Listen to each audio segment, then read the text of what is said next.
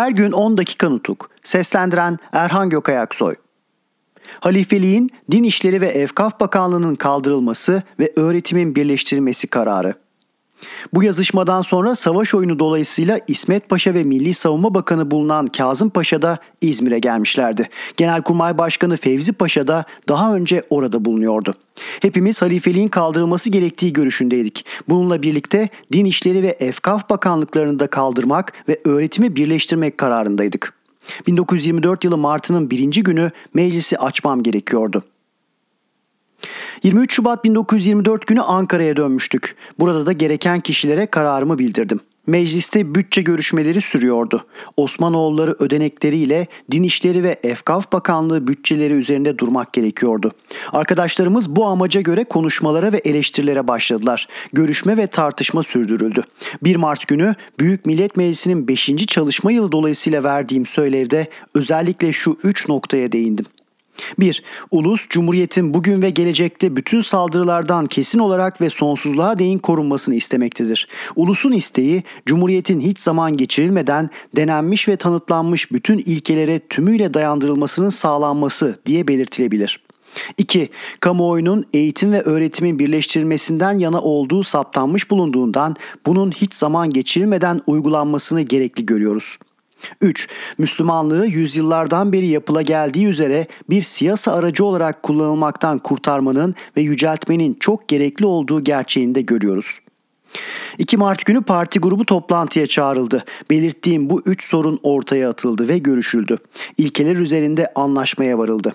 3 Mart günü meclisin birinci oturumunda başkanlığa gelen yazılar arasında şu önergeler okundu. 1. Halifeliğin kaldırılması ve Osmanoğulları soyundan olanların Türkiye dışına çıkarılması ile ilgili Şeyh Saffet Efendi ile 50 arkadaşının yasa önerisi. 2. Din İşleri ve Efkaf Bakanlığı ile Genelkurmay Bakanlığı'nın kaldırılması ile ilgili Siirt Milletvekili Halil Hulki Efendi ve 50 arkadaşının yasa önerisi. 3. Eğitim ve öğretimin birleştirilmesi ile ilgili Manisa Milletvekili Vasıf Bey ve 50 arkadaşının önerileri. Başkanlık makamında bulunan Fethi Bey, Efendim birçok imzalarla gelen bu yasa önerilerinin hemen görüşülmesiyle ilgili öneriler vardır. Yüksek oyunuza sunacağım dedi ve komisyonlara gitmeden hemen görüşülmesini oya koydu ve kabul edildiğini bildirdi. İlk karşı çıkışı Kastamonu Milletvekili Halit Bey yaptı. Görüşmeler sırasında Halit Bey'e bir iki kişi daha katıldı. Önerileri destekleyen birçok değerli milletvekilleri kürsüye çıkıp uzun konuşmalar yaptılar. Önerge verenlerden başka rahmetli Seyit Bey'in ve İsmet Paşa'nın bilimsel ve inandırıcı söylevleri her zaman için okunmaya değer. Görüşme ve tartışma 5 saate yakın sürdü. Saat 6.45'te görüşmelerin sona ermesiyle Türkiye Büyük Millet Meclisi 429, 430 ve 431. yasaları çıkarmış bulunuyordu. Bu yasalarla Türkiye Cumhuriyeti'nde halkın işleriyle ilgili yasaları yapmaya ve yürütmeye yalnız Türkiye Büyük Millet Meclisi ile onun kurduğu hükümetin yetkili olduğu saptandı ve Din İşleri ve Efkaf Bakanlığı kaldırıldı. Türkiye içindeki bütün bilim ve öğretim kurumları, bütün medreseler Milli Eğitim Bakanlığı'na bağlandı. Halife görevinden çıkarıldı ve halifelik katı kaldırıldı. Çıkarılan halife ve Osmanoğulları soyundan olanların hepsine Türkiye Cumhuriyeti ülkesinde oturma hakkı süresiz olarak yasak edildi. Halifelik makamının bize dinsel ve siyasal bakımlardan yararlı ve zorunlu olduğunu ileri sürenlere verdiğim yanıt. Baylar, halifelik makamını tutmakta dinsel ve siyasal yarar ve zorunluluk bulunduğu sanısında olan bir takım kişiler bilginize sunduğum kararların alındığı son dakikalarda halifelik görevini üzerime almamı önerdiler. Bu gibilere hemen gereken olumsuz yanıtı vermiştim. Yeri gelmişken başka bir noktayı da bilginize sunayım. Büyük Millet Meclisi halifeliği kaldırdığı sırada Antalya Milletvekili din bilginlerinden Rasih Efendi Kızılay adına Hindistan'da bulunan bir kurulun başkanlığını yapıyordu. Rasih Efendi Mısır'a uğrayarak Ankara'ya döndü. Benden görüşme isteyerek şunları anlattı. Gezdiği ülkelerdeki Müslüman halk benim halife olmamı istiyormuş. Müslümanların yetkili kurulları bana bu dileği bildirmek için Rasi Efendi'yi vekil etmişler.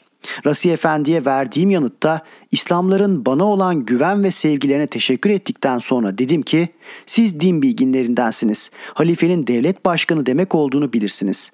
Başlarında kralları, imparatorları bulunan uyrukların bana ulaştırdığınız dilek ve önerilerini ben nasıl kabul edebilirim?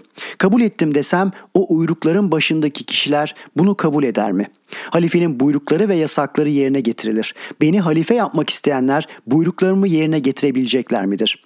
Bu duruma göre yapacak işi ve anlamı olmayan kuruntudan bir niteliği takınmak gülünç olmaz mı? Müslümanları bir halife hayaliyle hala yanıltmaya çalışma gayretinde bulunanlar özellikle Türkiye'nin düşmanlarıdır. Baylar açık ve kesin söylemeliyim ki Müslüman halkı bir halife heyulasıyla uğraştırma ve kandırma çabasında bulunanlar yalnız ve ancak Müslümanların ve özellikle Türkiye'nin düşmanlarıdır. Böyle bir oyuna kapılmak da ancak ve ancak bilgisizlik ve aymazlık belirtisi olabilir.'' Rauf Beylerin, Vehip Paşaların, Çerkez Ethem ve Reşitlerin, bütün 150'liklerin, kaldırılmış halife ve padişah soyundan olanların, bütün Türkiye düşmanlarının el ele verip bize karşı ateşli olarak çalışıp uğraşmaları din çabasıyla mıdır?'' Sınırlarımıza bitişik yerlerde yuvalanarak hala Türkiye'yi yok etmek için kutsal ayaklanma adı altında haydut çeteleriyle cana kıyma düzenleriyle bize karşı durmadan çılgınca çalışanların amaçları gerçekten kutsal mıdır?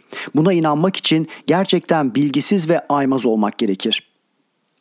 Müslümanları ve Türk ulusunu bu kerteye düşmüş saymak ve Müslümanlık dünyasının vicdan arılığından, yaratılış inceliğinden alçakça ve caniyane amaçlar için yararlanmayı sürdürmek artık o denli kolay olmayacaktır. Saygısızlığın da bir ölçüsü vardır. Büyük bir komplo.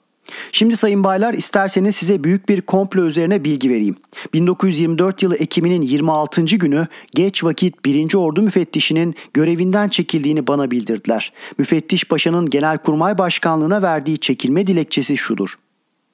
Genelkurmay Başkanlığına bir yıllık ordu müfettişliğim sırasında gerek teftişlerim sonunda verdiğim raporların gerekse ordumuzun yükselmesi ve güçlendirilmesi için sunduğum tasarıların dikkate alınmadığını görmekle üzüntüm ve kaygım çok büyüktür. Üzerime düşen görevi milletvekili olarak daha çok vicdan rahatlığıyla yapacağıma tam inancım olduğu için ordu müfettişliğinden çekildiğimi bilgilerinize sunarım efendim.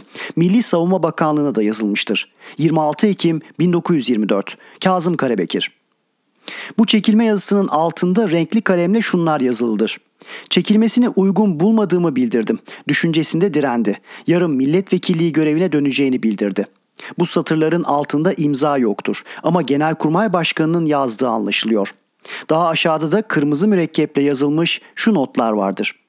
Gelen rapor ve tasarıların hepsini göreyim. Bunların hangi maddeleri üzerinde neler yapılmış ve hangi maddeleri yapılmamış onları da dosyalarıyla göreyim. Bu notların altındaki tarih 28 Ekim'dir. Baylar, Kazım Karabekir Paşa'nın raporları ve tasarıları Genelkurmay'da ilgili bölümlerce incelenmiş, bunların kabul edilip uygulanabilecek kısımları dikkate alınmış ve uygulanmıştı. Ancak uygulanması devletin gücü dışında bulunan ya da bir bilimsel değeri olmayıp kendi kuruntularına dayanan önerileri elbette dikkate alınmamıştı. Kazım Karabekir Paşa'ya raporlar ve tasarılarından dolayı bir takdirname verilmesi de gerekli görülmemişti. 30 Ekim günü de 2. Ordu Müfettişi Ali Fuat Paşa'nın Konya'dan geldiği bildirildi. Kendisini akşam yemeğine Çankaya'ya çağırdım. Geç vakte değin bekledimse de paşa gelmedi. Kendisini aratırken öğrendim ki Fuat Paşa'yı Ankara'ya gelişinde Rauf Bey karşılamış. Fuat Paşa Milli Savunma Bakanlığı'na uğradıktan ve kimi arkadaşlarla kısa görüşmeler yaptıktan sonra Genelkurmay Başkanlığı'na gitmiş. Bir süre Fevzi Paşa ile görüşmüş. Çıkarken de Fevzi Paşa'nın emir subayına şu kağıdı bırakmış. 30 Ekim 1924 Genelkurmay Başkanlığı yüksek katına Milletvekili görevime başlayacağımdan ikinci ordu müfettişliği görevinden bağışlanmamı saygıyla dilerim efendim. Ankara Milletvekili Ali Fuat Baylar, milletvekilliğinden çekildiğini meclis başkanlığına bildirmiş olan Refet Paşa'nın da çekilme yazısını Rauf Bey'in geri aldırdığını öğrenmiştim. Dumlupınar'da yapılan törenden sonra Bursa ve Karadeniz kıyılarıyla Erzurum dolaylarında bir buçuk ay süren bir gezi sonunda Ekim'in 18. günü Ankara'ya dönmüştüm. Birçok milletvekili arkadaşlar ve başkaları beni karşılamışlardı. Karşılayanlar arasında Ankara'da bulunan Rauf ve Adnan Beyleri görmemiştim. Oysa dargınlık belirtisi sayılabilecek böyle davranışları beklemiyordum. Baylar bir komplo karşısında bulunduğumuzda hiç duraksamadım. Bu durum ve görünüş şöyle incelenip irdelenebilirdi. Bir yıldan beri yani Rauf Bey'in Bakanlar Kurulu Başkanlığından çekildiğinden beri Rauf Bey ile Kazım Karabekir Paşa, Ali Fuat Paşa, Refet Paşa ve başkaları arasında bir düzen düşünülmüştür. Bunda başarı sağlayabilmek için orduyu ele almak gerekli görülmüştür. Bu amaçla Kazım Karabekir Paşa 1. Ordu müfettişliğine atandıktan sonra eskiden komutanlık yaptığı bölge olan Doğu illerinde dolaşırken Ali Fuat Paşa da siyasayı sevmediğini ve yaşamını askerlik görevine adamak istediğini ileri sürdü ve aşaması yükseltilerek 2. Ordu müfettişliğine gitti. Üçüncü Ordu müfettişi olan Cevat Paşa'nın ve bu müfettişliğe bağlı kol ordunun komutanı olan Cafer Tayyar Paşa'nın da bu düzende kendilerine katılabileceklerini umdular. Bir yıl ordular üzerinde kendi görüşlerine göre çalıştılar ve orduları kendilerince kazandıklarını sandılar. Çekilmeden önceki kimi komutanları kendileriyle birlik olmaya çekmek için çalıştılar. Bu bir yıl içinde Cumhuriyet'in ilanı, halifeliğin kaldırılması gibi işlerimiz ortaklaşa düzen kuranları birbirine daha çok yaklaştırdı ve birlikte çalışmalarına yol açtı eyleme siyasa yolundan geçeceklerdi. Bunun için uygun zaman ve fırsatı bekliyorlardı. Siyasa alanındaki ve ordudaki hazırlıklarını yeter görüyorlardı. Gerçekten Rauf Bey ve benzerleri parti içinde sürdürmeyi başardıkları durumlarıyla meclisin dinlenme dönemine rastlayan aylarda milletvekilleri üzerinde ve yeni seçimde başarı kazanamayan ikinci grup üyeleri aracılığıyla bütün yurtta ulusu bize karşı kışkırtmak için çalışmak fırsatını elde ettiler. Ülke içinde bir takım gizli örgütler kurmaya ve girişimler yapmaya da başladılar. İstanbul'da Vatan, Tanin, Tevhid-i Efkar, Son Telgraf ve Adana'da Abdülkadir Kemali Bey'in çıkardığı Tok Söz gibi gazetelerle işbirliği yaptılar. Bu gazetelerle bize karşı imzasız saldırıya giriştiler. Kamuoyunda ülkede genel bir kargaşa yarattılar. Hakkari bölgesinde Nasturi ayaklanmasını bastırmaya çalıştığımız bir sırada İngiltere'de hükümetimize bir ultimatom verdi. Meclisi olağanüstü olarak toplantıya çağırdım. İngiltere'nin ultimatomuna bildiğiniz biçimde yanıt verdik. Savaş olasılığını da göze aldık. İşte söz konusu ettiğimiz kişiler bu çetin günlerde bir yabancı devletin bize saldırabileceği günlerde kendilerinin de bize saldırarak ereklerine kolaylıkla ulaşabilecekleri kuruntusuna kapıldılar.'' Savaşa hazır bir durumda bulundurmaya zorunlu oldukları ordularını başsız bırakıp daha önce sevmediklerini söyledikleri siyasa alanına koştular. Toplanmış olan mecliste ortaya atılan bir sorunda onların bu koşuşlarını çabuklaştıracak nitelikteydi. Gerçekten milletvekili Hoca Esat Efendi 20 Ekim 1924 günlü önergesiyle göçmenlerin değiştirilme ve yerleştirilmesi, yatılı okullara parasız olarak alınan öğrenci sayısı ve nerelerde ilkokullar açıldığı konularında bir takım soruları ilgili bakanlardan soruyordu. Bu soruların kapsadığı işler gerçekten ulusu ilgilendiren sorunlardı. Bu sorunlar bakanları eleştirmek için çok elverişliydi. Özellikle göçmen değiştirme ve yerleştirme işlerinde herkesi düşündüren noktalar apaçık belliydi. Ben kendim de yaptığım gezi sırasındaki gördüklerime dayanarak değiştirme ve yerleştirme işlerinin gidişinden yakınmış ve Ankara'ya dönüşümde bu işlerle ilgili bakanlığın kaldırılmasını ve hükümetin bütün araçlarıyla bu konuda ilgi ve çalışmasını sağlayacak bir yol tutulmasını hükümete önermiştim. Bu önerimi de hükümet kabul etmişti. Bu konu bile saldırıya geçeceklerin bu işte çok yandaş kazanabilecekleri görüşünü pekiştirmekteydi.